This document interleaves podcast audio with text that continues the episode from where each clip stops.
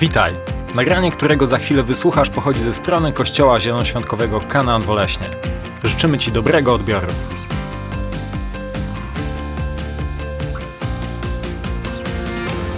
To, o czym chcę powiedzieć dzisiaj, to jest coś, co często jest nazywane work in progress, coś, co się ciągle dzieje, coś, co ciągle trwa i prawdopodobnie do końca naszego życia się nie skończy. To jest wiara i rozwijanie wiary w naszym życiu. I czym jest wiara? To jest temat, który jest w zasadzie tematem rzeka i absolutnie nie byłbym w stanie go wyczerpać tutaj, nawet jakbym siedział i mówił o nim i mówił. To, to jest naprawdę nie do opisania. To jest coś, co będziemy odkrywać przez całe życie i pewnie na łożu śmierci będziemy się zastanawiać o tych wszystkich rzeczach. Niektórzy mówią, że na łożu śmierci jest taki flashback, widzimy całe swoje życie, które przechodzi nam w przeciągu kilku sekund przed, e, przed oczami i wtedy będziemy sobie myśleć, że to tak wyglądała wiara. Jakkolwiek, wiara jest kluczowa w naszym życiu. Kiedy spojrzymy na Biblię, wiara i jej przykłady przewijają się praktycznie na każdej stronie Biblii. Widzimy ją, czytamy o niej, a tak naprawdę bardzo rzadko ją rozumiemy.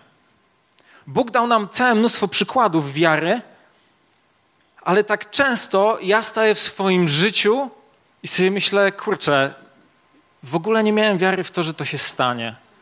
Albo ta sytuacja jest tak beznadziejna, że jak ja mam mieć w tej sytuacji wiarę? Jak, jak mam wierzyć w to uzdrowienie, kiedy ja tutaj mam takie dowody i mój mózg mi mówi, że to nie może się wydarzyć? Jak mam wierzyć w to, że znajdą się finanse, kiedy wiem, że jest krucho z finansami, jest kryzys? Nie ma pracy, nie ma tego czy tamtego. A jednak Biblia cały czas mówi o wierze. I zawsze, kiedy pojawia się wiara, to jest jeden efekt.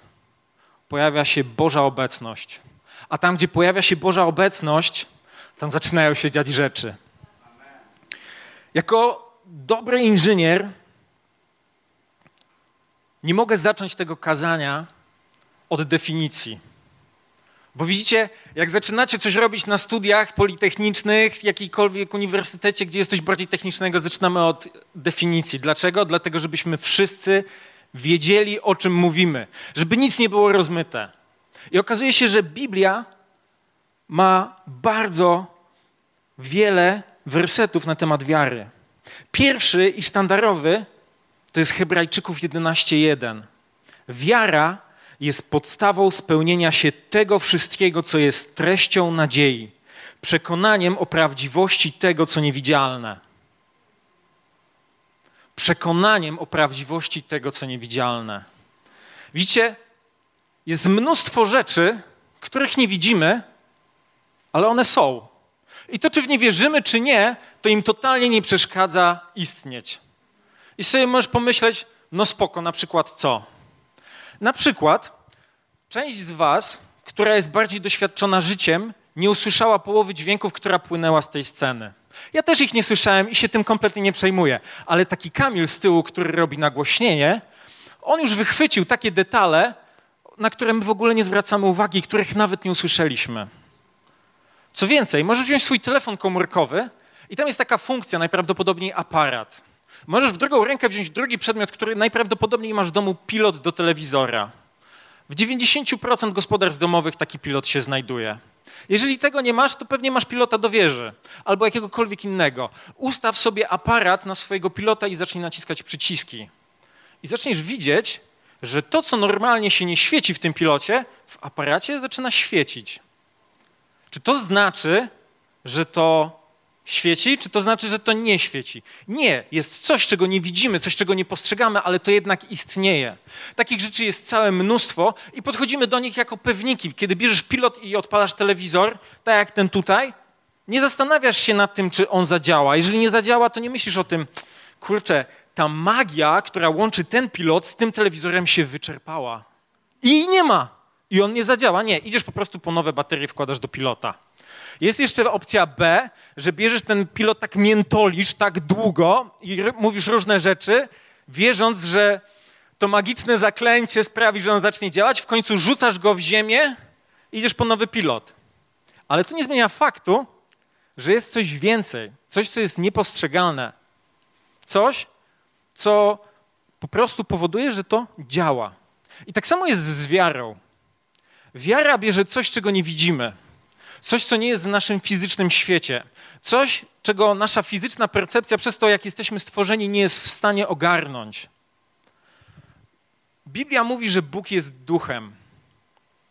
I dużo rzeczy, o których Biblia mówi, dzieje się w świecie, który jest duchowy. Czasem widzimy go, tak jak przez pryzmat, czasem możemy o nim czytać, ale w codziennym życiu nie widzimy, żeby gdzieś tutaj bujały się anioły i demony. Nie widzimy, żeby działa się apokalipsa albo coś innego. Widzimy tylko efekt tego, co się dzieje. Widzimy uzdrowienia, widzimy Boże prowadzenie, widzimy realizację się e, Bożych obietnic w życiu ludzi, o których oni mówili lata, lata temu, i tak dalej, i tak dalej. A więc wiara jest podstawą spełnienia się tego wszystkiego, co jest treścią nadziei, przekonaniem o prawdziwości tego, co niewidzialne. Po drugie, w liście do Hebrajczyków 11:5-6 jest napisane: Dzięki wierze został zabrany Henoch, tak że nie oglądał śmierci. Nie odnaleziono go, ponieważ go, e, Bóg go zabrał. Lecz zanim się, sta, e, się to stało, otrzymał świadectwo, że się podobał Bogu. Bez wiary przeciwnie nie można podobać się Bogu. Kto bowiem przychodzi do Boga, musi uwierzyć, że On istnieje i nagradza tych, którzy Go poszukują. Ja często w swoim życiu łapałem się na tym, że jestem beznadziejny i bez wiary. I wracał do mnie taki bumerang, że a widzisz tutaj, miałeś wierzyć w to, że będzie Boże błogosławieństwo, miałeś wierzyć w spełnienie Bożych obietnic. Każdy z nas dostał od Boga jakieś obietnice, których się trzyma i na które oczekuje. I nigdy nie jest tak, że żyjesz w swoim życiu i nie masz żadnych obietnic. Zawsze jest coś, na co oczekujesz. Coś, co Bóg ci objawił w swoim słowie, coś, co Bóg dał ci w proroctwie, albo w śnie, albo w jakimś innym przekonaniu. I czekasz na wypełnienie tego. I może do ciebie czasem przychodzić takie przekonanie: jestem totalnie beznadziejny. Jestem totalnie bez wiary. I gdy popatrzymy na ten werset, to to sprawia, że nie możemy podobać się Bogu. Ale to nie jest tak do końca, widzicie. Bo ten werset ma też ten drugi fragment, gdzie jest napisane, że kto bowiem przychodzi do Boga, musi uwierzyć, że On istnieje i nagradza tych, którzy Go poszukują. Widzicie, ten werset nie jest wcale potępiający. Ten werset mówi, no halo, przyszedłeś do mnie kiedyś odnalazłeś mnie, a w zasadzie dałeś mi się odnaleźć, więc to znaczy, że nie jesteś taki zupełnie bez wiary. Nie jesteś beznadziejny. Jest w tobie trochę wiary. Jest w tobie jakaś porcja wiary i to mi się podoba. Widzicie, Biblia bardzo często mówi bardzo wiele rzeczy wprost. Ale chyba dużo więcej zaczyna do mnie mówić przez rzeczy, o których nie mówi w danej sytuacji. W tej sytuacji nie widać wprost tego, że ty podobasz się Bogu. To jest rzecz, która nie jest wspomniana w tym fragmencie wprost, ale wynika z tego, że skoro przyszedłeś do Boga, to musisz się Mu podobać. I skoro przyszedłeś do Boga, to jest w tobie trochę wiary. Dlatego, kiedy następnym razem wróci do ciebie bumerang, oskarżenia ciebie, że jesteś totalnie bez wiary, wiedz, że tak nie jest. To jest kłamstwo, które jest wysłane w twoją stronę. Kolejna ciekawa sytuacja o wierze znowu w Nowym Testamencie, w dziejach apostolskich 3,16, to jest kiedy e, Piotr i Jan szli do świątyni. To był pierwszy chyba raz, e, jeżeli dobrze kojarzę, kiedy szli do świątyni głosić i zobaczyli człowieka, który e, był przynoszony codziennie do tej świątyni, bo nie mógł sam chodzić. Więc oni podeszli do niego i powiedzieli: Złota i srebra nie mamy, ale co mamy, to ci damy. I później tak opisują tą sytuację przed kapłanami, którzy wezwali ich na sąd, ponieważ nie podobało im się to, że, że oni uzdrowili kogoś w imieniu Jezusa Chrystusa. Natomiast oni to tak tłumaczą, dzięki wierze w Jego imię, w Jego, czyli Jezusa Chrystusa, wzmocniło Jego imię tego, czyli ponownie Jezus wzmocnił tego, którego widzicie i którego znacie, a wiara przez Niego wzbudzona dała Mu to pełne zdrowie, o czym na własne oczy mogliście się przekonać. Widzicie, to pokazuje tak de facto kolejne dwie rzeczy o wierze. Wiara może być dobrze i źle ulokowana. Możesz wierzyć w swoją siłę, że ona cię doprowadzi wszędzie. Kiedy oglądam różne historie, to widzę ludzi, którzy wierzą w siebie i wierzą w swoje możliwości i ostatecznie ponoszą najczęściej porażkę. Bardzo spektakularną albo gdzieś tam daleko, bo się wypalili i nikt już na tą porażkę się nie patrzy. I widzę ludzi, którzy nie wierzą w swoje możliwości. Wiedzą, że są tylko małym trybikiem, ale ich wiara jest położona zupełnie gdzie indziej. Mają świadomość tego, że oni ze swoją siłą mogą zrobić tylko trochę, ale oni z Bożą siłą mogą zrobić znacznie więcej. Więc to jest pierwsza rzecz, która płynie z tego fragmentu, że wiara może być dobrze i źle ulokowana. A po drugie, że naszym źródłem wiary jest Jezus. Dzięki wierze w Jego imię wzmocniło Jego imię tego, którego widzicie i znacie. Wiara w Jezusa wzmocniła wiarę tego człowieka do tego stopnia, że został on uzdrowiony. Kolejny fragment na temat wiary jest bardzo pragmatyczny. Mi się podoba. Ja jestem bardzo, to jest takie dziwne słowo, które nie wiem skąd mam, ale lubię czasem używać. Jestem utylitarny. Lubię, jak coś jest użyteczne, że nie jest jakieś, wiecie, dla mnie rzeczy, takie sztuka, no fajnie, no, no spoko, nie? Może trzymać kredens, jak już będzie spadał ze ściany. Ja lubię rzeczy utylitarne, lubię jak coś ma sens. Nie lubię wydziwianych rzeczy, uh, lubię rzeczy, które się do czegoś przydają, które mają konkretne zastosowanie. Na przykład E, może wam się podobać jakiś tam spoiler na aucie i zamontujecie sobie, bo on ładnie wygląda, wiecie, furka wygląda wtedy fajnie, no plus 10 do prędkości. Jak będzie czerwona, to jeszcze wiadomo, że jest szybsza, nie? A ja lubię, jak to jest utylitarne. Ja lubię ten mały detal na spoilerze, który sprawia, że ta fura jedzie szybciej. Zawsze szybciej. Ja jestem właśnie tego typu gościem. I kolejny fragment przemawia do mnie, bo on jest absolutnie użyteczny. E, Paweł w liście do Efezjan 6,16 pisze, cały, wer, cały rozdział jest na temat wiary, ale ten konkretnie fragment mówi: Zawsze wznoście tarczę wiary. Dzięki niej ugasicie każdy rozżerzony pocisk złego. A więc wiara jest naszym narzędziem, jest utylitarna, to nie jest coś biernego, to nie jest coś, co po prostu kładziemy na półce, super, mam wiarę, popatrz, mam ją w słoiku i ona tutaj czeka na ten specjalny dzień, żeby ją wyciągnąć. Nie, wiara to jest coś bardzo użytecznego. Nie wiem, czy macie świadomość, ale tarcza to nie jest broń tylko do obrony. To nie jest coś, co ma ciebie chronić. Tarcza, o której pisze Paweł, to jest tarcza rzymska. Jest to tarcza, która sięgała mniej więcej od troszkę powyżej kostki, aż po ramię osoby, która ją trzymała. Ważyła 10 kg. To sprawiało, że mogła obronić się przed atakiem osoby, która trzymała miecz, bo miecz waży tylko około kilograma albo jeszcze mniej.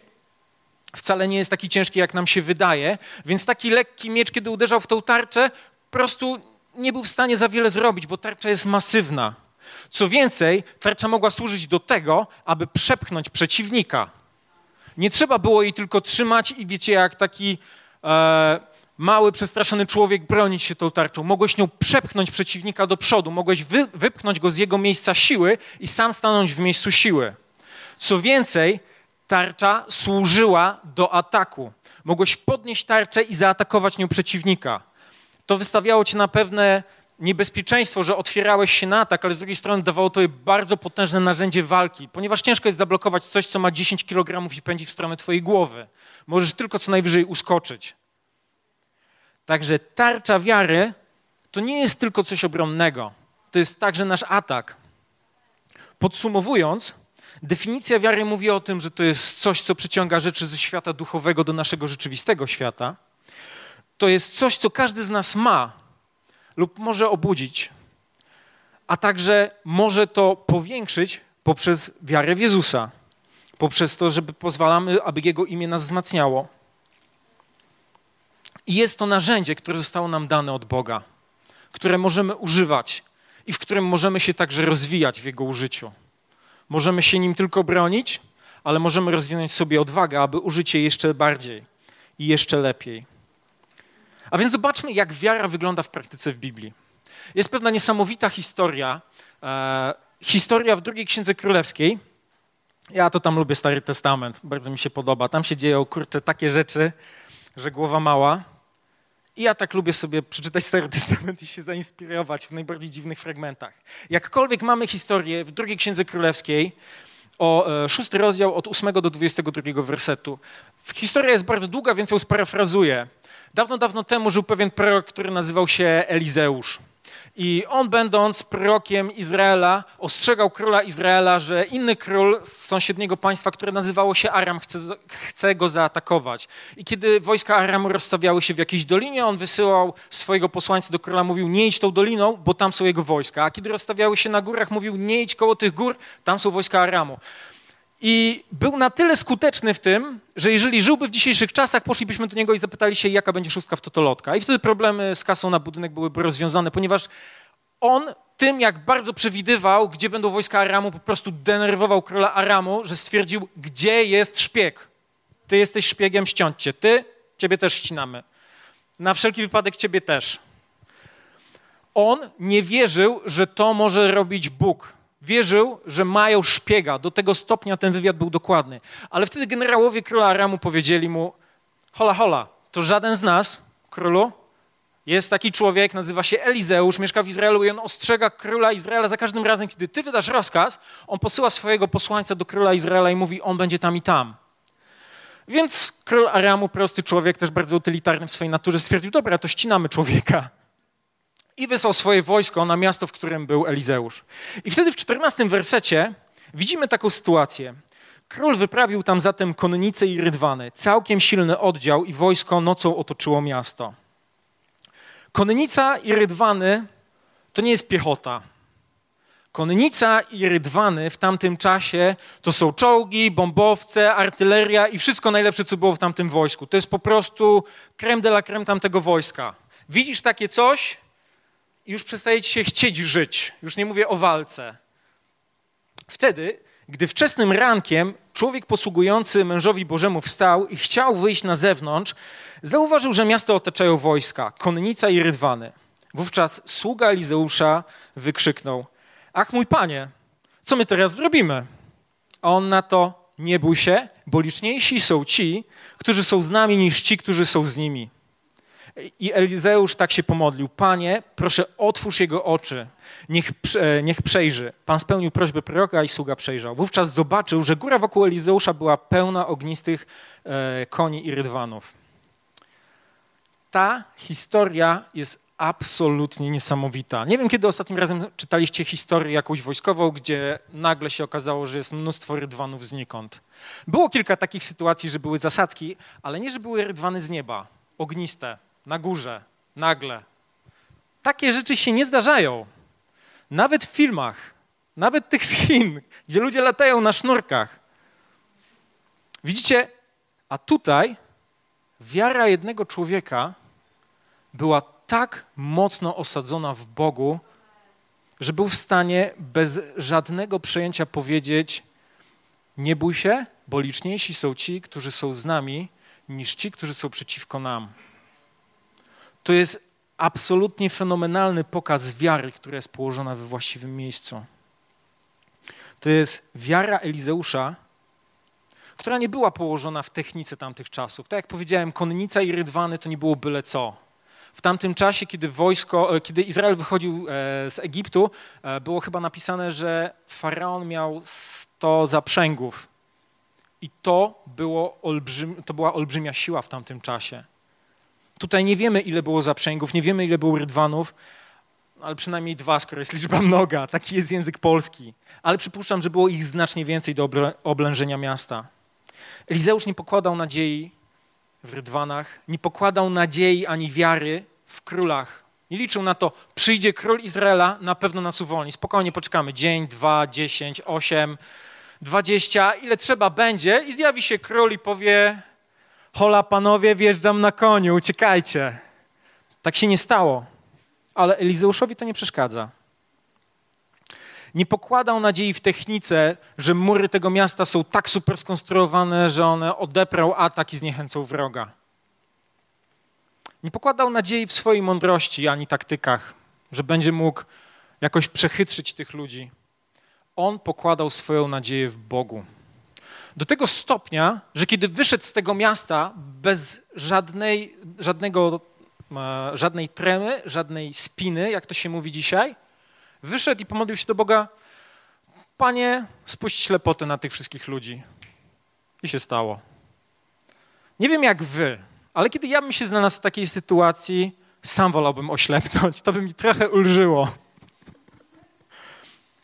Elizeusz miał trochę inne podejście i to mi się podoba, to mnie inspiruje i to sprawia, że chcę rozwijać swoją wiarę, bo widzę, że jest jeszcze tyle rzeczy, w które mógłbym w Bogu uwierzyć, że granica jest jeszcze daleko, daleko. Po drugie, widzimy, że wiara miała bardzo praktyczne zastosowanie w tej sytuacji. Nie wiem, czy może być praktyczniejsze zastosowanie niż bezpośrednie ocalenie życia w tym konkretnym momencie. Nic mi innego nie przychodzi do głowy, naprawdę. To było tak praktyczne, jak się tylko dało. Więc to pokazuje nam, że wiara nie jest czymś wydumanym.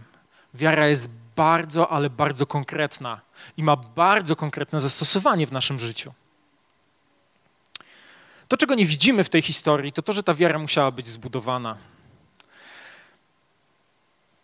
Jeżeli będziemy śledzić Stary Testament, po tym jak Izrael wyszedł z Egiptu, jest napisane, że ojcowie izraelscy mieli uczyć swoje dzieci dziejów Izraela. I jakby obowiązek na rodzicach był taki w Izraelu, że oni mieli wykładać pięcioksiąg swoim dzieciom. Czyli pięcioksiąg to jest wyjście Izraela z Egiptu, wszystkie historie typu rozstąpienie się Morza Czerwonego, rozstąpienie się e, później kolejnych rzek, to, że wygrali z Jerychem i tak dalej, i tak dalej. Wszystkie te sytuacje wiary. Wiara Elizeusza była zbudowana przez to, że ktoś przyłożył się do tego, aby mu to wszystko wyjaśnić, aby mu to wszystko opowiedzieć, aby zainspirować jego serce do tego, że jest coś więcej niż to, co widzi, coś więcej niż to, co jest przed jego oczami. Co więcej, jego wiara była zbudowana także przez inne sytuacje, kiedy chodził z Bogiem. Jego wiara była budowana krok po kroku, bo to nie jest jedyna sytuacja, w której Elizeusz robi coś niesamowitego. Kiedy będziecie czytać Stary Testament, kiedy będziecie patrzeć się na postać Elizeusza, to to jest, można powiedzieć, agent. To jest gość, którego życia i, i sytuacji starczyłoby co najmniej dla dziesięciu osób. Tak? Luźno. To jest taki James Bond Izraela, który nigdy nie strzelał. On jest mistrzem wywiadu, jak widzimy, i mistrzem rozwiązywania sytuacji w Bogu. To nie znaczy, że był idealny. O nie, ale był fajny. Proponuję wam go sprawdzić. I kolejna rzecz, której nie widzimy w tej sytuacji, i też jest bardzo praktyczna, ale jak ją powiem, to tak sobie pomyślcie, kurczę, rzeczywiście tak jest.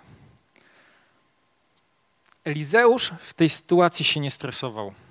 Nie widzimy, żeby on z drżącym głosem powiedział: Panie, pokaż, że ich jest więcej. Nie, on, on sobie wyszedł na luzie i mówi: Ci, którzy są z nami, jest ich więcej niż tych, których jest przeciwko nam. Jego serce było zupełnie spokojne. Przez to, że była wiara w jego życiu, coś, co jest nazywane chyba pierwszym zabójcą naszych czasów, czyli stres, w ogóle nie funkcjonuje w tej sytuacji. On mógł spokojnie podejść do tej sytuacji z czystym osądem i z klarowną głową nie musiał zdawać się na to, że jego emocje będą mu podpowiadać, co ma robić. A więc wiara zabiera stres z naszego życia. To nie znaczy, że ten stres całkowicie odejdzie. Kiedy popatrzymy się na Jezusa w ogrodzie oliwnym, on się stresował tym, co się stanie. Ale nie stresował się o to, czy wypełnia na pewno wolę Boga. Nie stresował się tym, czy na pewno jest w tym miejscu, w którym ma być. Nie. Go stresowała ta sytuacja i to, żeby wypełnić ją, ale nie to, że może jest w woli Boga. To nie jest ten rodzaj stresu. Jakkolwiek stres taki przypadkowy, że muszę się tutaj bać, bo brakuje mi pieniędzy, muszę się tutaj stresować, bo nie wiem, czy to uzdrowienie będzie, czy go nie będzie, muszę się stresować, bo nie wiem, czy dostanę pracę, bo nie wiem, czy zrobię to, tamto. Elizeusz zrobił wszystko, co było w jego mocy. W tym przypadku kompletnie nic, bo wszystko było poza nim. Po prostu musiał uwierzyć Bogu. I to jest chyba ten trudniejszy rodzaj wiary, bo dużo łatwiej mi osobiście jest uwierzyć, kiedy muszę coś zrobić. Wiecie, kiedy muszę się e, nauczyć do jakiegoś certyfikatu, to wiem, że jak się pouczyłem do niego, zrobiłem wszystko, co jest w, mojej e, w moich możliwościach, spoko, damy radę. Ale kiedy wszystko jest zostawione w rękach Boga, moja natura mówi, może jeszcze tutaj coś dokręcę, może tutaj. Jak tutaj coś zamieszam albo porozmawiam z tym, to może się uda. Ale w tej sytuacji Elizeusz nawet specjalnie nie miał z kim gadać, bo by stracił głowę. Musiał zostawić wszystko Bogu. A Bóg go wyratował. W dalszej części tej historii możemy przeczytać, że wiara Elizeusza ocaliła żołnierzy, którzy go atakowali, ocaliła żołnierzy, którzy byli obrońcami tego miasta i na jakiś czas zakończyła konflikt między Izraelem a Aramem. Czyli wiara potrafi mieć bardzo duże konsekwencje, bardzo pozytywne konsekwencje. Bo myślę, że Elizeusz w momencie, kiedy o tym mówił, nie miał na myśli tego, że będzie pokój między Izraelem. Patrząc się na różne inne historie w Starym Testamencie, na przykład Morze Czerwone i rozstąpienie się e, tego morza, żołnierze faraona zginęli w tym morzu. Może wiara Elizeusza była taka, dobra, to ty, panie, teraz ich wytniesz, a my sobie pójdziemy do domu i będziemy się dobrze bawić. A oni niech giną. Ale wiara w tym przypadku, Bóg pokazał, że przez tą wiarę może zrobić znacznie więcej. Może przynieść błogosławieństwo nie tylko tobie, ale także innym. Okej, okay. ale możemy sobie pomyśleć, dobra, to był Elizeusz, a tutaj jestem ja. Pa pokazujesz mi takiego e, multimilionera wiary w tamtych czasach, a tutaj jestem ja, zwykły żuk, który zarabia średnią krajową miesięcznie. Jak ja mam się równać tutaj z nim? Więc dochodzimy do kolejnego punktu, który nazywa się miara wiary. Ponieważ wszystkie te fragmenty pokazują, że miarę da się zmierzyć. Niekoniecznie ona będzie mierzalna w sposób, który my postrzegamy, który widzimy, który rozumiemy. To niekoniecznie jest coś, do czego możemy przyłożyć metr, rozciągnąć go i widzieć, ty masz jeden centymetr wiary, ja mam 60 centymetrów wiary, on ma metr 20. No i super, nie? To wcale nie na tym polega. Kiedy popatrzymy się e, na Ewangelię Łukasza, werset, e, rozdział 17, wersety 5 do 6, jest napisane, apostołowie zwrócili się do Pana, dodaj nam wiary. Pan zaś odpowiedział, gdybyście mieli wiarę jak ziarno gorczycy, moglibyście powiedzieć tej morwie, wyrwij się z korzeniami i zasadź w morzu, a ona usłuchałaby was. Po pierwsze, sam Jezus nam pokazuje, że jest jakaś miara wiary.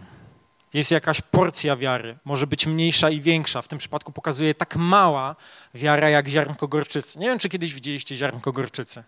Ja widziałem, czasem kupuję musztardę z ziarnkami gorczycy w środku. Są malutkie, bardzo małe, takie malusieńkie, takie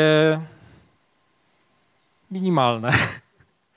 A pomimo tego Jezus mówi, że jeżeli miałbyś tak małą wiarę, to to drzewo morwy by się wyrwało i wsadziło w morze, jeżeli mu rozkażesz. Kiedyś byłem na tyle głupi, żeby pójść do drzewa i powiedzieć, że mu się wyrwało. Nie zadziałało. Musztarda mnie trochę rozczarowała. Okazuje się, że wygrała ze mną swoją porcją wiary. Ale to nie znaczy, że się poddaje. Jakkolwiek jest jakaś porcja wiary. Możemy ją rozwijać. A wiedząc o tym wcześniej, że każdy z nas ma tą wiarę, to znaczy, że coś już w nas jest. Wiara może się rozwijać tak naprawdę w wielu różnych kierunkach. Co to znaczy?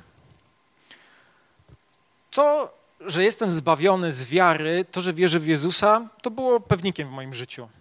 Ale kiedyś mieliśmy taką sytuację z Olą, lata, lata temu, kiedy się przeprowadzaliśmy, nie zarabialiśmy jakichś super pieniędzy.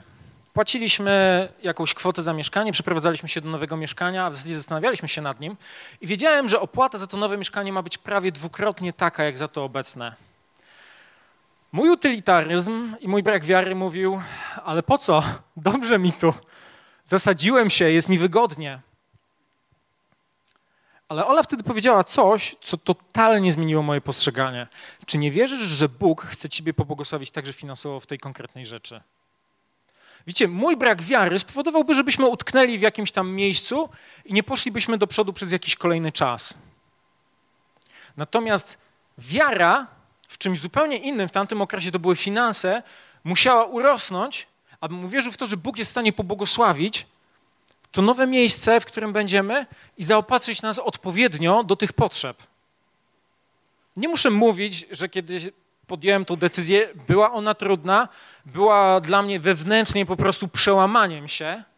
I to się fajnie mówi, a wystarczy się przeprowadzić. Jeżeli podejmowałeś kiedyś trudną decyzję w swoim życiu, to wiesz, jak ciężko jest się do niej przekonać. Że jest coś, taki wewnętrzny opór w twoim życiu, z którym się po prostu zmagasz, jak taka bariera, jak takie zatrzaśnięte drzwi w supersamcu i ty próbujesz je przepchnąć, a one stawiają opór. I jak już zaczynają się ruszać, to ty ciągle je pchasz, a one jeszcze stawiają opór i dopiero w którymś momencie się przesuwają. Zazwyczaj z drugiej strony tych drzwi stoi twój strach, który cię blokuje. I tak też było w tym przypadku. Ale zrozumiałem wtedy, że moja wiara w Boga w to, że jestem zbawiony, to jest jedno, ona jest na jakimś poziomie rozwoju, ale moja wiara w to, że Bóg może mnie zaopatrywać finansowo, jest jeszcze raczkująca i muszę się rozwijać w tym temacie. Że ten aspekt mojej wiary, ta dziedzina mojej wiary może rosnąć. Zupełnie niezależnie od tego, zupełnie inaczej. To nie jest kolejny krok, to nie jest, że naprzód wierzę w to, później w to, później w tamto i tak dalej. To jest coś zupełnie innego. Może nasza wiara w uzdrowienie musi się rozwijać. To jest kolejna rzecz, którą widzę w swoim życiu. Widzę, że chcę się modlić o uzdrowienie moich bliskich i znajomych. Kiedy przychodzi do mnie moja rodzina i mówi, że coś mnie boli albo coś innego mnie boli, to jest idealna okazja do tego, żeby się o nich pomodlić. Nie musisz tam robić elaboratów, że Bóg jest wielki, Bóg jest uzdrowieniem i tak dalej. Wystarczy się zapytać, mogę się o ciebie pomodlić? Wiesz, że Bóg może cię uzdrowić. Spróbujemy? To nic nie kosztuje. Wiesz, no poświęcisz mi dwie minuty albo trzy minuty, ale i tak tutaj siedzisz, pijemy kawę, będzie fajnie. To jest tak proste. I wiem, że moja wiara musi się w tym rozwijać. To jest dla mnie konfrontujące, ale takich rzeczy, w których moja wiara może się rozwijać, jest dużo, dużo więcej. I jestem pewien, że kiedy zaczniemy patrzeć się na swoje życie, także dostrzeżycie rzeczy u siebie, które może są rozwinięte fajnie, jesteście z nich zadowoleni, ale może są obszary, w których widzicie, kurczę, ja się tutaj boję, ja czuję stres w tej dziedzinie mojego życia i to się musi zmienić, to się musi rozwinąć. Kolejna rzecz to jest to, co wspomniałem wcześniej, że ta miara wiary niekoniecznie jest taka piękna i taka zrozumiała jak ten metr. Ci z Was, którzy coś więcej musieli mierzyć w swoim życiu, wiedzą, że są różne typy miar. Są miary liniowe, logarytmiczne, takie, owakie i tak dalej. Jest tego mnóstwo. Wiem, że teraz powiedziałem kilka słów, które mogły być niezrozumiałe. Zgooglujcie to. Są różne typy miar, ale wiary nie da się przyłożyć do żadnej. Ona rządzi się zupełnie swoim prawem. To nie jest świat, który jest ogarniany przez nasze zmysły, jak wspomniałem. Dlatego nie bójcie się i nie bądźcie tacy spięci, że moja wiara jest taka mała, że moja wiara jest w tym miejscu. Ja bardzo często to widzę w swoim życiu, że mam wrażenie, że moja wiara jest mała. Ale to nie jest coś, czego mamy się bać. To jest coś, czym mamy być zainspirowani, bo wystarczy wiara wielkości ziarnka gorczycy, aby zaczęły dziać się rzeczy. Ale skoro mamy już tą wiarę wielkości ziarnka gorczycy, to warto coś z tym zrobić. I tym sposobem dochodzimy do tego, że wiarę można rozwijać. Kiedy popatrzymy się na Ewangelię Marka, trochę dzisiaj skaczemy po tej Biblii, ale jak widzicie, wiara jest w Biblii absolutnie wszędzie. W rozdziale 9 jest pewna historia od wersetu 17 do 28. Jest to historia ojca, którego syn był nękany przez demony. I on przychodzi do uczniów Jezusa, żeby go uzdrowili, oni nie potrafią. I wtedy Jezus wraca z góry przemienienia, wypędza demony i uczniowie przychodzą do Jezusa w wersecie 28 e, i pytają się go na osobności, dlaczego my nie mogliśmy wyrzucić tego demona, go wyrzucić. Na to on im odpowiedział, ten rodzaj może wyjść tylko przez modlitwę i post.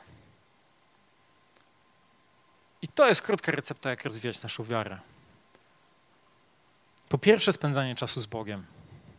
Nie ma nic bardziej skutecznego, nic lepszego niż spędzenie czasu z Bogiem. W czymkolwiek. A jeżeli chodzi o rozwijanie wiary, tak samo. Po prostu spędź czas z Bogiem. Nie pozwól, żeby to było raz.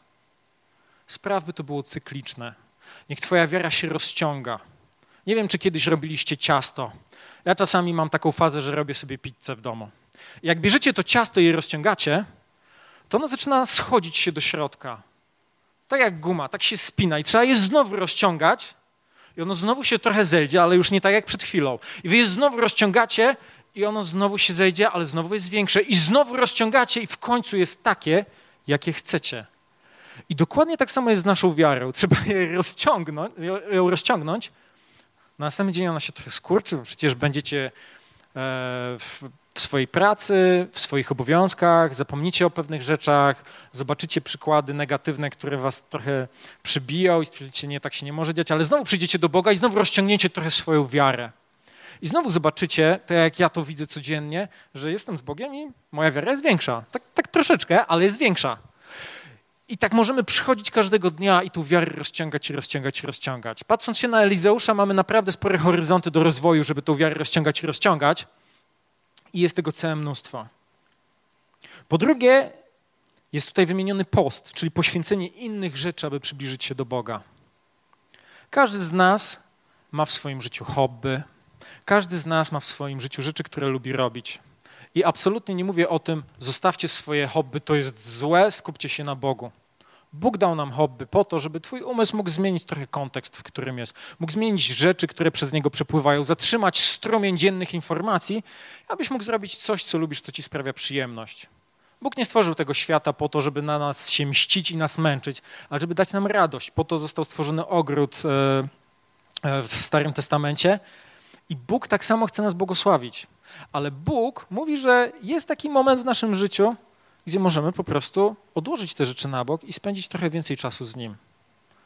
I ten czas nazywamy postem. Odkładamy jedzenie, odkładamy inne rzeczy, aby poświęcić ten czas ekstra na Boga. To jest coś, z czym ja zawsze, kiedy jest post, się zmagam i ścieram, bo często odnajduję się w momencie, kiedy jest post w środku cyklonu, Niestety nie w oku, gdzie jest spokój, ale w tej ścianie cyklonu, która się kręci i wszystko się dzieje, wiecie. W pracy się wali, w domu jakieś wywiadówki, tutaj coś tam, tu jeszcze coś tam. A Bóg mówi, zostaw to, przyjdź do mnie, rozszerzymy twoją wiarę, będzie fajnie. A ja mówię, jasne, panie, tak. Okej, okay, czas się skończył, to ja idę jeść. Ale Bóg chce, aby każdy z nas na raz na jakiś czas. Ty określ kiedy. Bóg ci nie mówi, to musi być dzisiaj i przez 40 dni nic nie jesz. Nie, Bóg mówi, zrób sobie post, przetestuj mnie, przyjdź do mnie, spotkaj się ze mną. Twoja wiara się poszerzy. Następnym razem nie będziesz miał oporu, żeby przyjść do mnie na dłużej. A więc po drugie, możemy rozwijać naszą wiarę przez post. Po pierwsze, spotykając się z nim, po drugie, przez post. Po trzecie, zupełnie prozaiczne, ale zapominamy o tym często przez budowanie relacji. Spotykanie się z Bogiem post to nie jest tylko czytanie Biblii. To nie jest tylko słuchanie chrześcijańskiego uwielbienia. To nie jest tylko modlitwa na językach, czy jakkolwiek i o jakieś potrzeby i o to. To jest czasem zamknięcie się. To jest czasem Siadł na tyłku w fotelu z herbatą, tak żebyś mógł czymś zatkać swoją buzię i nie odzywać się. Ja kiedyś ćwiczyłem takie coś, że wiecie, buzia napchana, ciągle mówiłem. Nie. Nie odzywamy się i słuchamy Boga. Dajemy Mu e, przemówić do naszego życia. Kiedy On przemówi do Twojego życia, jasne, zadaj Mu pytanie. Kiedy moje dzieci do mnie przychodzą, Adam już całkiem składnie mówi zdania, ale Zosia przychodzi i tym swoim łamanym polskim mówi do mnie coś. Ja wtedy chwilę czekam, patrzę, czy już skończyła mówić, czy jeszcze łapię oddech. I wtedy zastanawiam się, co powiedziała. I pytam się jej, czy na pewno to powiedziała. Ona zawsze odpowie tak. Dla niej zawsze to jest to. I wtedy próbuję jej odpowiedzieć. I tak samo jest z nami. Wiecie, przychodzimy do wszechwiecznego, potężnego Boga i naszym łamanym niebiańskim językiem próbujemy zadać mu pytania, się zastanawia, Mówisz, jakbyś życia nie znał. Chodź tutaj do taty, opowiem ci.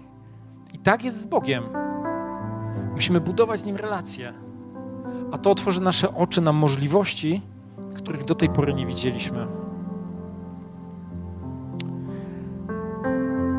Kolejna rzecz, w jaką jesteśmy w stanie rozwijać naszą wiarę, to jest podejmowanie decyzji. Tak jak Elizeusz podejmował małe decyzje krok po kroku, aż doszedł do miejsca, w którym był pewien tego, że Boże wojsko jest wokół niego. To nie było może Boże wojsko jest wokół nas. To była pewność. To była pewność po prostu stuprocentowa, pewniejsza niż ziemia, która była pod jego stopami. To było bezstresowe, totalne zaufanie Bogu. Ale to się zaczyna od małych kroków. To się zaczyna od tego, aby się inspirować, aby się rozwijać, aby podejmować kolejne kroki wiary. Może takim pierwszym krokiem wiary jest wiara w dziedzinie finansów. Może musisz zacząć płacić dziesięcinę, bo wiesz, że masz problem z finansami i nie widzisz Bożego zaopatrzenia, a to jest coś, co cię blokuje. Nie jesteś w stanie dać pieniędzy po to, żeby otworzyć swoje ręce, żeby przyjąć od Boga więcej. Może to jest tak jak w moim przypadku, o czym Wam mówiłem, kwestia modlitwy o uzdrowienie. Może mały krok wiary, może zacząć modlić się o siebie, może zacząć modlić się o swoją rodzinę, kiedy nadarzy się okazja. Może to jest zupełnie inna sytuacja w Twoim życiu, ale małymi krokami do przodu i w którymś momencie zobaczycie swoją e, Bożą armię po swojej prawej i lewej stronie.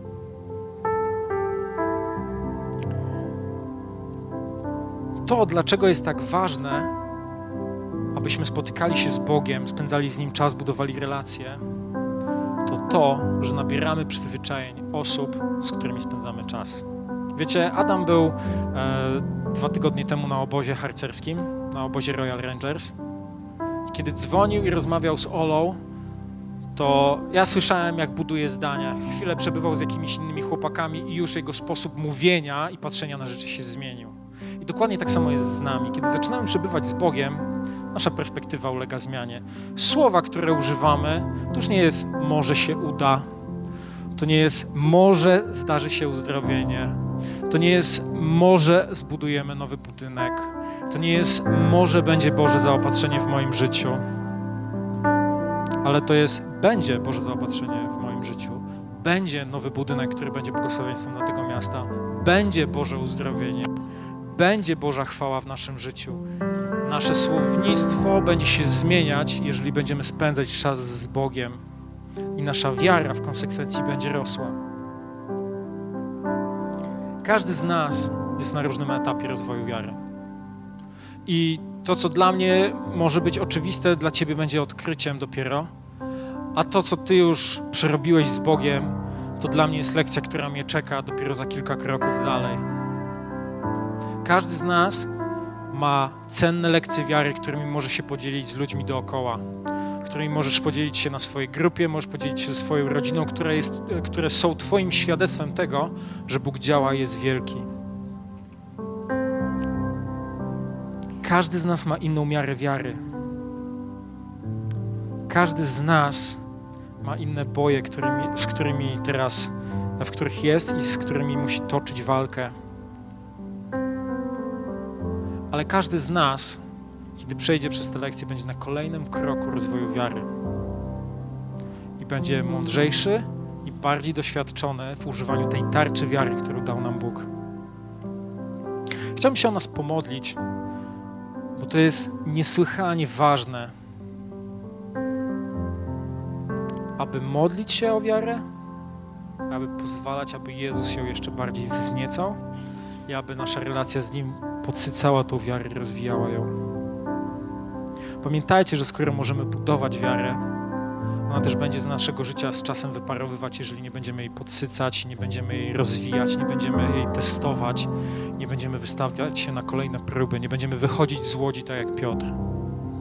Dlatego chciałbym się o nas pomodlić, drogi Kościele, abyśmy nie byli tchórzami, abyśmy przyjmowali te kolejne wyzwania w naszym życiu z podniesioną głową, pewni tego, że Bóg nas po pierwsze zainspiruje, podnieci ten ogień wiary w naszym sercu, a po drugie da zwycięstwo w tym, co dla nas będzie zupełnie poza kontrolą. zupełnie poza naszym zasięgiem. Panie Boże, ja przychodzę do Ciebie z każdym z nas. Stajemy przed Tobą, Boże, i potrzebujemy Ciebie. Potrzebujemy Twojej inspiracji, potrzebujemy Twojego namaszczenia, Twojego prowadzenia. Potrzebujemy tego, abyś pokazywał nam, gdzie nasza wiara musi być rozwijana, abyś pokazywał nam kolejne testy, kolejne kroki do rozwoju naszej wiary. I proszę Cię, Boże, o to, aby nasze nogi się nie trzęsły, nasza mowa była klarowna i abyśmy deklarowali nad tymi wszystkimi sytuacjami Twoje zwycięstwo. Nasza wiara była mocno osadzona w Tobie, osadzona w Twoich obietnicach, abyśmy studiowali Twoje słowo i widzieli, jak wiele obietnic i jak wiele rzeczy nam dajesz, po to, aby nasza wiara się nie chwiała, ale aby była mocna, była zasadzona w Tobie i rozwijała się i dawała życie nie tylko nam, ale ludziom, którzy są dookoła nas, ludziom, o których się modlimy, ludziom, o których walczymy, ludzi, e, o których prosimy o uzdrowienie. Aby ta wiara, Panie, ściągała Twoje błogosławieństwo na sytuacje i okoliczności, w których jesteśmy. To jest jedno, ale też jest sytuacja, w której może jeszcze, jeszcze nie masz tyle wiary, żeby przyjść do Boga. I twierdzisz, że okej, okay, Panie, słyszałem, że bez wiary nie można się podobać Tobie. Ja, ja jeszcze nie mam tyle wiary, żeby przyjść do Ciebie. No i tutaj jest mały twist, bo jak już masz na tyle wiary, żeby mówić do Boga, że nie masz tyle wiary, to już myślę, że w tobie jest wystarczająca duża ilość wiary. Bóg dał tobie wiarę i teraz tak powoli trąca twoje serce, abyś w odpowiednim momencie przyszedł do Niego i porozmawiał z Nim.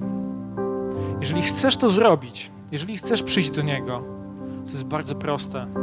Wystarczy, że teraz lub w dowolnym czasie pomodlisz się tą prostą modlitwą. Powiesz, Panie Boże, przychodzę do Ciebie i poddaję Ci swoje życie. Chcę iść za Tobą. Żyłem grzesznym życiem i proszę Ciebie o przebaczenie. Chcę przyjąć to, co Jezus Chrystus zrobił na krzyżu. Odkupił każdy mój grzech i wyznaję, że Jezus Chrystus jest moim Panem. Amen. Witaj ponownie. Dziękujemy za wysłuchanie tego nagrania i mamy nadzieję, że pomoże Ci ono zbliżyć się do Boga. Jeśli dziś podejmujesz decyzję o zaufaniu Jezusowi i uznaniu Go Twoim Zbawicielem, to chcemy Ci pogratulować. Modlimy się o Boże działanie w Twoim życiu i zapraszamy Cię serdecznie do Kanaanu, ponieważ wierzymy, że Kościół, czyli wspólnota wierzących ludzi, to najlepsze miejsce do wzrostu i rozwoju duchowego. Szczegóły dotyczące naszych spotkań znajdziesz na stronie www.kanan.pl oraz w naszych mediach społecznościowych.